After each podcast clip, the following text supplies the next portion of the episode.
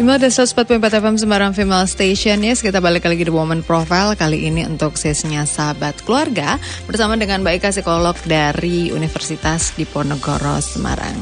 Kita sapa dulu di line telepon. Hai Mbak Ika, Assalamualaikum, selamat pagi. Waalaikumsalam warahmatullahi wabarakatuh. Selamat pagi, semoga sehat semua. Ini hari libur. Oh, selamat memperang, memperingati untuk yang merayakan Waisak. Mm, mm, mm, mm, uh, selamat hari Waisak yang untuk yang merayakannya ya kerabat Imada ya.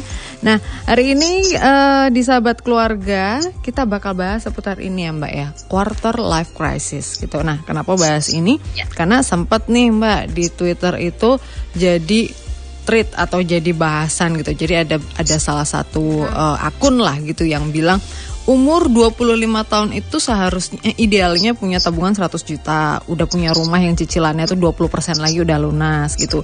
Gaji minimal wow. 8 juta, terus udah punya uh, kendaraan sendiri, udah punya mobil bla bla bla gitu. Nah, uh, tidak semua uh, orang yang berusia 25 tahun di Indonesia itu punya uh, situasi seperti itu ya. Nah, untuk mereka-mereka yang tidak punya kan pasti insecure, Mbak, kalau membaca seperti ini gitu loh. Nah, itu kan juga menandakan uh, adanya quarter life crisis juga ya selain adanya threat tersebut gitu. Nah, yang mau kita bahas di sini itu Mbak uh, Mbak Ika ya quarter life crisis gitu. Jadi apalagi di usia 25 tahun.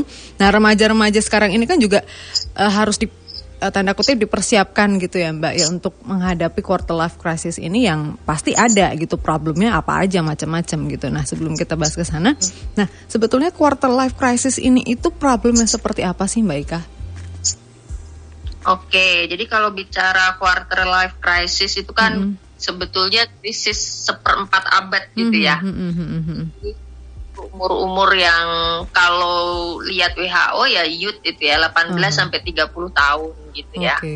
Nah, apa sih sebetulnya krisisnya yaitu krisis pencarian identitas uh-huh. yang ditandai dengan rasa bimbang, uh-huh. bingung gitu ya terhadap kehidupan. Aku nih mau ngapain sih?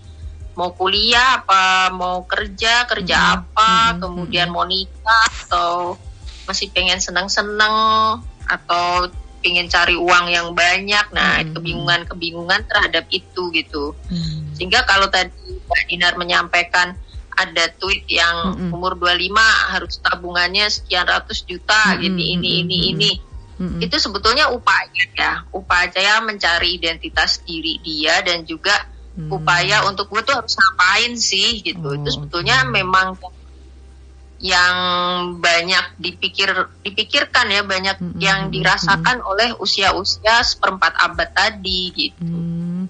Oh oke okay, oke okay, oke okay. baik berarti itu tuh termasuk uh, apa ya upaya untuk membentuk jati diri gitu ya. Berarti kalau misalnya ada orang yang mau oke okay, goalsnya 25 tahun adalah punya uang sekian berarti goalsnya dia mungkin uh, eh, 20 sebelum 25 tahun harus sukses gitu. Tapi kan permasalahannya tidak semua tidak semua orang tuh kan goalsnya itu Mbak Ika ya. Ada yang seperti yang tadi Mbak Ika bilang gitu ada yang umur 25 tahun tuh masih sebelum itu juga masih bingung mau kuliah apa kerja mau nikah atau masih mau senang-senang gitu nah ini kan juga bikin para remaja ini yang mau mendekati usia itu kan jadi galau gitu Mbak. Nah, apakah ini juga uh, jadi masalah baru untuk kesehatan mentalnya dia Mbak? Iya betul. Jadi kenapa dikatakan krisis ya? Mm-hmm. Karena memang uh, itu kayak di perempatan jalan gitu, Mbak. Oh, oke. Okay. Di perempatan jalan yang mau lanjut atau mau belok kiri atau belok mm-hmm. kanan yang mm-hmm. kalau memang akhirnya membawa dampak-dampak uh, negatif ke dia, hmm. terutama kaitannya dengan kesehatan mental, ya jadinya lanjut ke gangguan mental. Sehingga hmm. uh, kalau WHO sendiri ya tahun 2018 itu sudah menyatakan kalau usia quarter life ini uh, paling banyak mengalami gangguan-gangguan mental dibanding hmm. tahap perkembangan yang lain. Hmm. Jadi 80% yang mengalami masalah uh, gangguan mental itu ada di 75 sampai 80 persen ya. Hmm. Dia mengalami adalah usia-usia uh, quarter life ya. Uh, dan yang paling tinggi itu puncaknya 24 tahun itu. Hmm. Itu menurut WHO. Oh, okay. Artinya ya memang dampaknya itu cukup besar ya hmm. uh, quarter life crisis ini. Selain memang tadi uh, kondisinya ada di tahap perkembangan di perempatan jalan hmm. gitu ya. Hmm. Kemudian yang kedua adalah uh, dampak jangka panjang dari masalah-masalah mental di masa kecilnya. Oh, okay. Itu juga baru kelihatan, baru muncul setelah mereka tuh uh, cukup dewasa untuk menjadi man, untuk jadi individu sendiri hmm. gitu ya. Jadi nggak hmm. tinggal dengan hmm. orang tua. Biasanya umur-umur itu kan kalau nggak ngekos ya udah berkeluarga hmm. atau kerja gitu ya. Hmm. Hmm. hmm nah, jadi dampak rentetan jangka panjangnya itu berkumpul ya terakumulasi di usia-usia itu gitu. Oh. Oh oke okay, oke okay, oke okay. baik. Nah uh, apa aja sih mbak yang bisa kita lakukan gitu atau mungkin deteksi untuk kesehatan mental yang terganggu di umur-umur menjelang 25 tahun itu apa aja mbak Ika? Ya jadi yang pertama kita harus sadari dulu ya sebelum hmm. kedeteksi problemnya kita hmm. harus sadari dulu bahwa quarter life crisis itu suatu yang wajar. Hmm. Artinya itu memang tahap perkembangan yang dilalui oleh semua orang gitu. Hmm Masalahnya ketika orang ini sudah disiapkan oleh keluarganya, oleh orang tua untuk hmm. tahu hmm.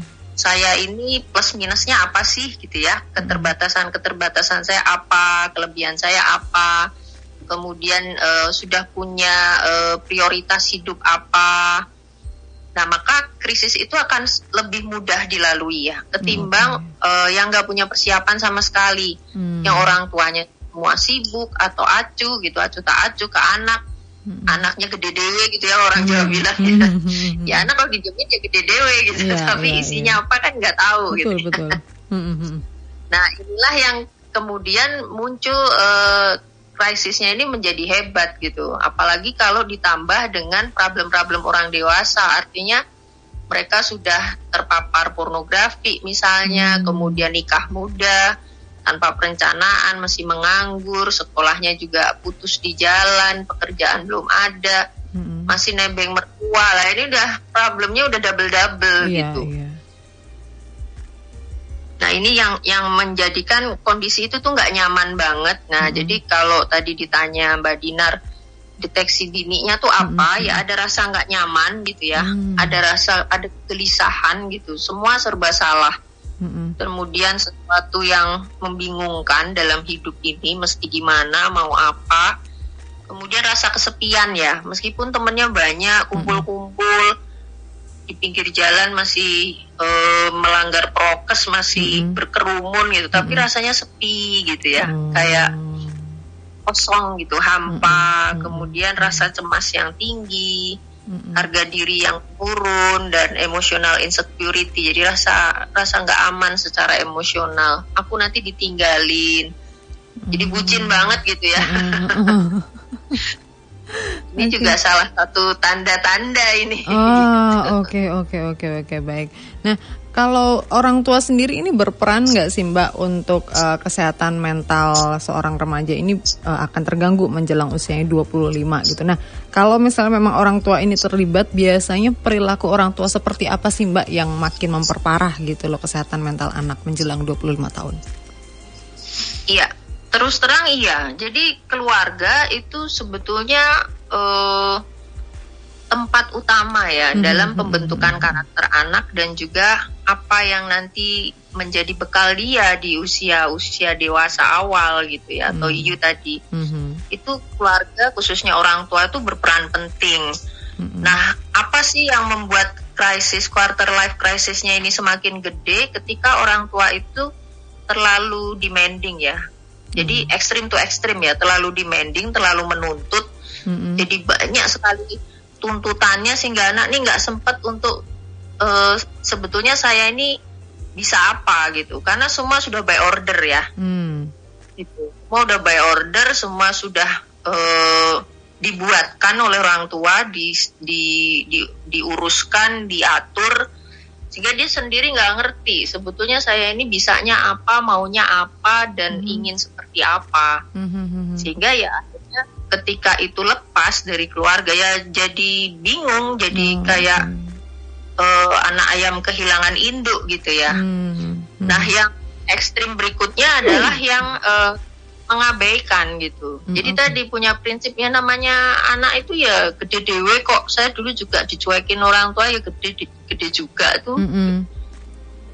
jadi betul-betul dilepas terserah mau ngapain minta apa-apa dikasih misalnya atau malah terserah ke caramu gitu nah sehingga hmm, okay. si anak ini akhirnya kehilangan uh, merasa kehilangan support sistemnya gitu ya di mana hmm. dia merasa nggak paham pengen bertanya ingin diskusi itu nggak punya tempat gitu oh. nah ini riskannya adalah ketika yang nampani ini adalah lingkungan hmm. yang nggak baik betul, gitu mbak betul betul betul uh, malah malah jadi salah jalan ya mbak ya iya betul uh, oke okay. nah uh, apa yang harus dilakukan sama orang tua nih mbak ya mungkin uh, ada yang an punya anak yang menjelang usia 25 tahun gitu loh supaya anaknya ini mungkin ketika nanti uh, sudah menginjak usianya mengalami quarter life crisis ini bisa lebih uh, siap gitu mbak apa yang di, bisa dilakukan sama orang tua mbak? Ya, jadi memang butuh kesadaran bersama ya. Artinya antara orang tua dan anak itu uh, menyadari bahwa meskipun anak ini sudah beranjak dewasa, hmm. orang tua ini nggak bisa lepas dalam uh, arahan dan bimbingan, tapi tidak mendikte ya. Hmm, okay. Kemudian yang kedua bahwa krisis ini perlu sebetulnya. Artinya tadi ya anak-anak yang pampering, yang dimanja hmm. banget, atau hmm. anak-anak hmm. yang terlalu diatur itu nggak menemukan krisis yang sebenarnya, tapi malah hmm. masalah-masalah lain di balik krisis. Jadi krisis itu perlu bagi uh, youth ya, bagi remaja atau dewasa awal ini karena hmm. di situlah uh, anak-anak kita ini punya kesadaran tentang tanggung jawab dan personal growth-nya atau pertumbuhan dirinya. Hmm jadi ketika dia memahami saya ini siapa, kemudian tadi ya misalnya ini contoh aja, hmm. pengen punya uh, tabungan 100 juta gitu, hmm. itu realistis nggak? Misalnya kayak gitu. Hmm. Oh realistis karena sekarang saya udah mulai merintis usaha, misalnya hmm. kayak gitu ya. Hmm. Ini kan satu kesadaran bahwa uh, hal itu bisa dicapai atau enggak dengan kemampuan dia sendiri hmm. atau dengan keterbatasan keterbatasan dia dia bisa cari cara itu kalau anak-anak yang diberi tanggung jawab sejak uh, misalnya sejak puber ya hmm. sudah mulai tanggung jawab terhadap dirinya mulai merancang uh, tahapan-tahapan dia mau ngapain targetnya apa tiga tahun lagi lima hmm. tahun lagi hmm. sudah mulai memahami saya harus bagaimana maka krisis itu tuh jadi pendewasaan gitu mbak buat oh, dia nah ini penting orang tua juga harus menyadari anak tuh harus ditunjukkan bahwa dunia tuh warna-warni, nggak cuman uh. Yang baik-baik aja gitu, yang indah-indah uh. aja gitu. Oh, oke okay, oke okay, baik baik baik. Nah, cara memberitahu anak kalau dunia ini itu warna-warni gitu, itu tuh bagaimana Mbak selain komunikasi ya, tapi kan kadang juga kan tidak semua hubungan orang tua dan anak itu kan dekat ya. Mungkin ada yang terlanjur ada gap gitu loh. Jadi mau ngobrol pun kayaknya sungkan gitu loh. Nah, bagaimana caranya orang tua bisa memberitahu ke anak gitu loh ini loh nanti itu usia usia sekian tuh akan mengalami ini ini ini dan ini gitu, Mbak. Caranya bagaimana? Ya, bahwa uh, memang sih kendalanya itu kebanyakan di kedekatan orang tua anak mm -hmm. ya. Mm -hmm. Dan orang tua ini banyak sekali yang mempercayai mitos kalau yang namanya remaja itu pasti bakal canggung sama hmm. orang tua bakal nggak mau terbuka bakal hmm. lebih banyak ke peer groupnya hmm. kalau saya sih uh, ingin me mematahkan mitos-mitos itu ya artinya hmm. begini remaja itu butuh banget orang tuanya okay. tetapi dengan cara komunikasi yang berbeda hmm. artinya mereka butuh tempat diskusi nah itu penting ya kalaupun hmm. kita canggung tapi ketika kita punya minat yang sama membahas itu secara uh, hangat ya artinya bukan terus marah-marahan bentak-bentakan gitu ya. Uh, uh, uh, tapi lebih pada faktanya apa kemudian konsekuensi-konsekuensi di, di balik itu tuh seperti apa. Nah itu akan membantu anak untuk tahu bahwa oh bahwa selalu ada sudut pandang lain.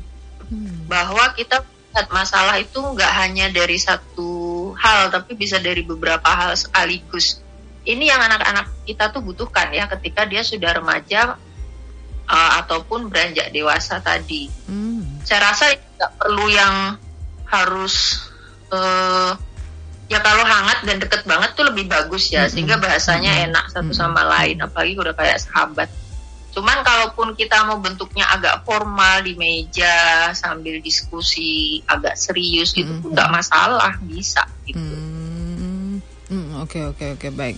Nah uh, terkadang kan juga gini Mbak Eka ya ada beberapa orang tua yang mungkin pemikirannya tentang usia 25 tahun ke depan itu tuh uh, kurang relate gitu loh Mbak sama sama yang terjadi sekarang. Mungkin dia patokannya adalah zaman saya dulu tuh saya 25 begini begini begini. Nah, akhirnya dia menerapkan hal tersebut ke anaknya itu. Nah, padahal kan itu juga salah Mbak. Nah, bagaimana caranya supaya orang tua ini tetap update gitu Mbak dengan yang terjadi uh, sekarang-sekarang ini gitu selain banyak baca dan lain sebagainya gitu Mbak. Ya, jadi uh, memang kayaknya jadi orang tua tuh yang harus banyak belajar ya Mbak ya. Betul. Saya sih menyadari juga ya ketika anak-anak uh -huh. sudah mulai prapuber ke sini itu apalagi ada anak laki-laki ada anak perempuan dengan karakteristik yang uh, beda banget gitu ya uh -huh. dan mm-hmm. unik masing-masing. Uh -huh. Yang kemudian saya pahami bahwa kita harus banyak-banyak mendengar ya. Jadi mendengar yang sebenarnya artinya mendengar dengan seluruh panca indera kita oh, okay. merasakan mendengar dengan telinga mengamati dengan mata itu semua dan tanda kutip mendengar aktif gitu ya mm-hmm. sehingga di situlah kita bisa melihat bahwa kehidupan kita dulu seusia anak-anak kita sekarang itu berbeda jauh. Hmm.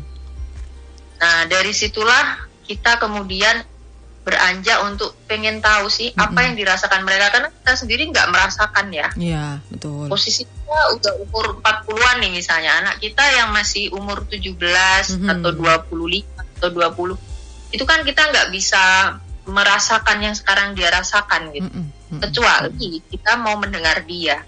Oh. Jadi yang pertama adalah duduk bareng dan mendengar dulu.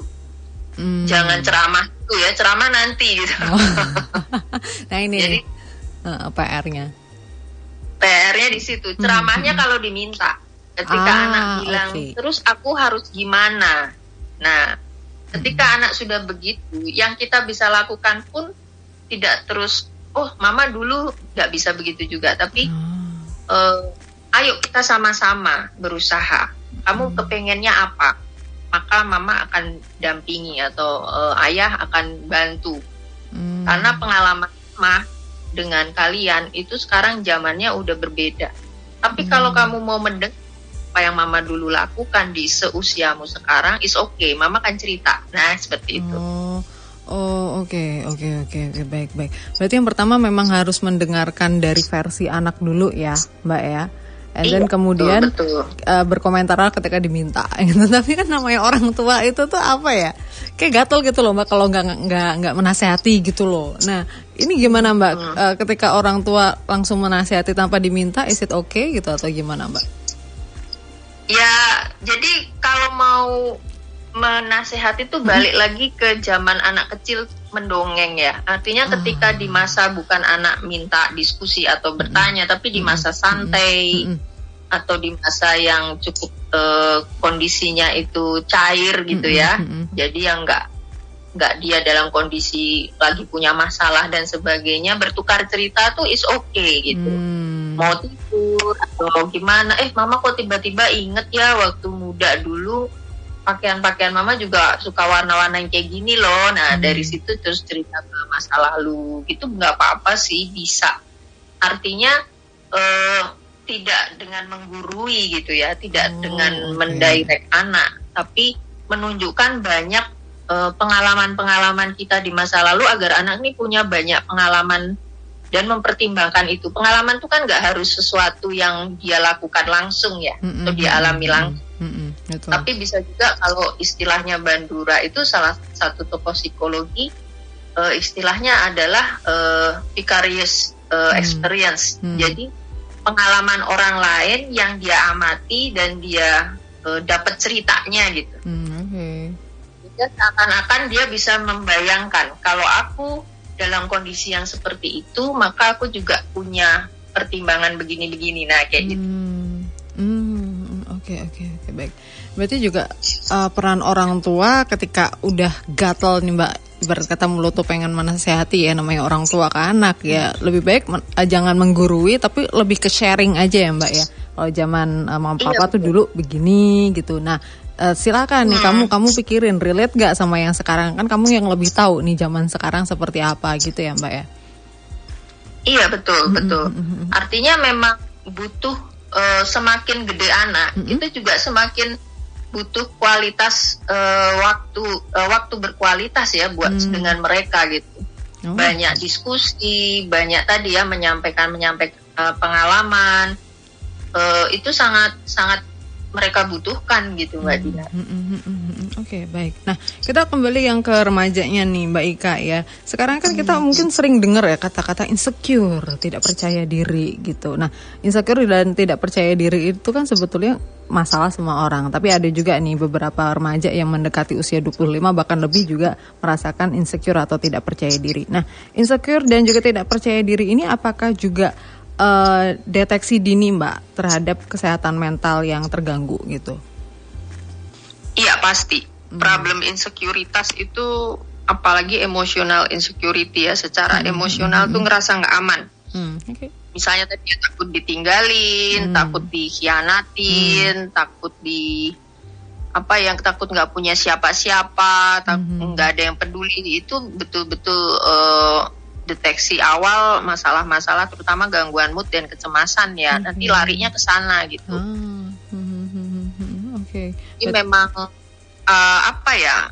Sekarang ini kan banyak sekali eh, kondisi-kondisi istilahnya sih kalau di psikologi inner child ya problem-problem masa kecil kita hmm. yang memang yang namanya orang tua kan juga nggak sempurna ya. ya Mungkin ada relasi yang memunculkan kesedihan, hmm. luka, hmm. Uh, rasa marah itu di masa lalu itu kan tersimpan rapi sebetulnya ya hmm. di uh, ketidaksadaran orang gitu. Hmm. Nah, ketika dia dewasa dengan banyaknya terpaan uh, problem hmm. tadi ya kondisi-kondisi krisis dan juga media sosial, hmm. teknologi sehingga paparan informasi itu banyak banget. Oh, yeah. dia kok dia sudah kayak gini, oh dia kok sudah kayak gitu, wah dia followernya ribuan kok gue nggak punya follower? Mm-hmm. nah akhirnya itu memantik memantik yang tadinya tersimpan rapi itu keluar semua kayak air mubal gitu ya pak. Oh, benar.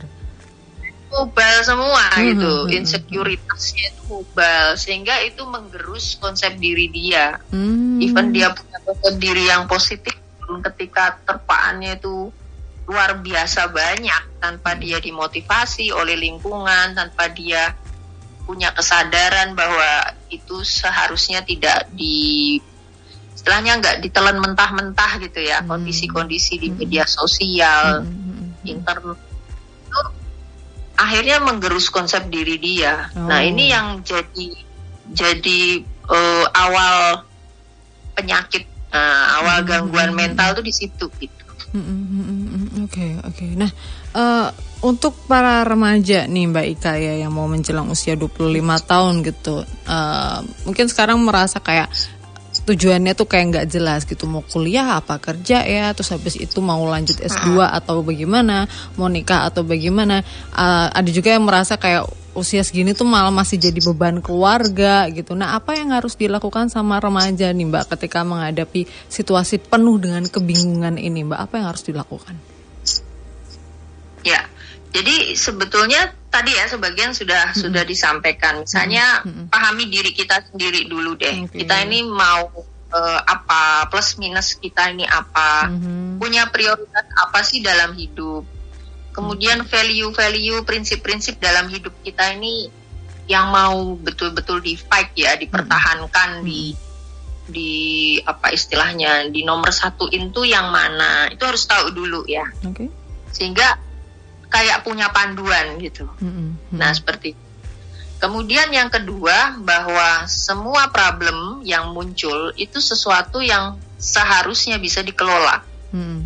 Nah jadi kita kita harus punya prinsip itu dulu oh. bahwa semua problem, semua kondisi emosional yang nggak nyaman, nggak enak, yang negatif itu sebetulnya semua bisa dikelola. Oh. Nah sekarang tinggal gimana cara mengelolanya. Syukur-syukur bisa cari informasi ya tentang self help, tentang mental health. Kalau nggak bisa ya bisa cari dukungan teman sebaya. Kan banyak ya mbak ya sekarang di IG ada. Kemudian layanan-layanan profesional tentang mental health juga banyak. Untuk membantu kita punya regulasi emosi yang bagus. Mm. Itu ya. Nah kemudian yang ketiga adalah bukalah akses ke sistem dukungan. Oh, Kadang-kadang dukungan itu banyak. Kadang-kadang hmm. orang tua tuh mau loh bantu hmm. kita dengerin kita. Kitanya hmm. aja yang nggak terbuka sama mereka. Oh, oh, Okay. Jadi kita sebagai anak muda itu juga harus proaktif gitu ya. Hmm. Hmm. Buat apa? Buat kita juga kok. Buat bukan bu, buat orang lain, tapi buat diri kita.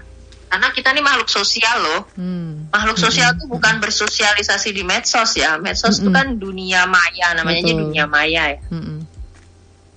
Kalau dunia sosial yang sebenarnya ya yang benar-benar ada gitu yang nyata mm-hmm. baru kemudian uh, ini yang yang paling penting ya saya harus garis bawahi bahwa semua bermuara di aktualisasi diri okay. artinya ketika masih kuliah pun kita bisa kok mengaktualisasikan diri. Misalnya, oh saya mau kuliah tapi sambil uh, nyicil tabungan mm-hmm. atau nyicil jaring pertemanan yang nanti bisa jadi uh, wirausaha bareng misalnya. Mm-hmm. Boleh gitu. Mm-hmm. Itu aktualisasi diri. Kalau sudah menikah, udah kadung nikah muda mm-hmm. gimana Bu? Misalnya gitu ya. Mm-hmm. Gak salah. Banyak ya uh, apa ibu-ibu muda yang kemudian jadi entrepreneur, kemudian sekolah lagi kemudian uh, membuat satu komunitas parenting yang bisa saling sharing dan saling membantu itu aktualisasi diri kenapa enggak gitu ya hmm. nah muaranya tuh di situ sebetulnya hmm. Hmm. Hmm. adalah bisa mengaktualisasikan diri sehingga nanti bisa produktif oh. produktif itu nggak harus menghasilkan uang ya hmm. hmm. produktif itu bermanfaat untuk orang lain dan untuk keluarga itu yang penting gitu. Hmm. Hmm.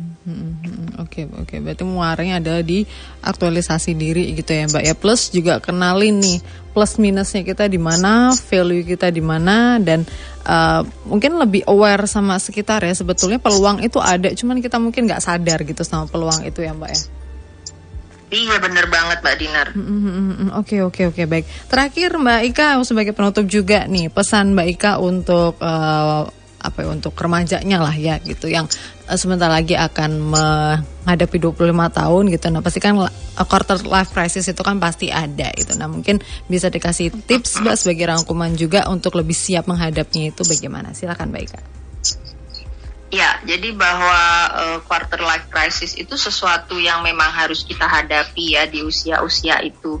Maka yang perlu kita siapkan adalah rencana. Mm-hmm. Jadi kita nih berencana, punya rencana, rencana yang realistis ya. Artinya kita perlu uh, related dengan uh, kondisi-kondisi yang ada, dengan plus minus kita tadi.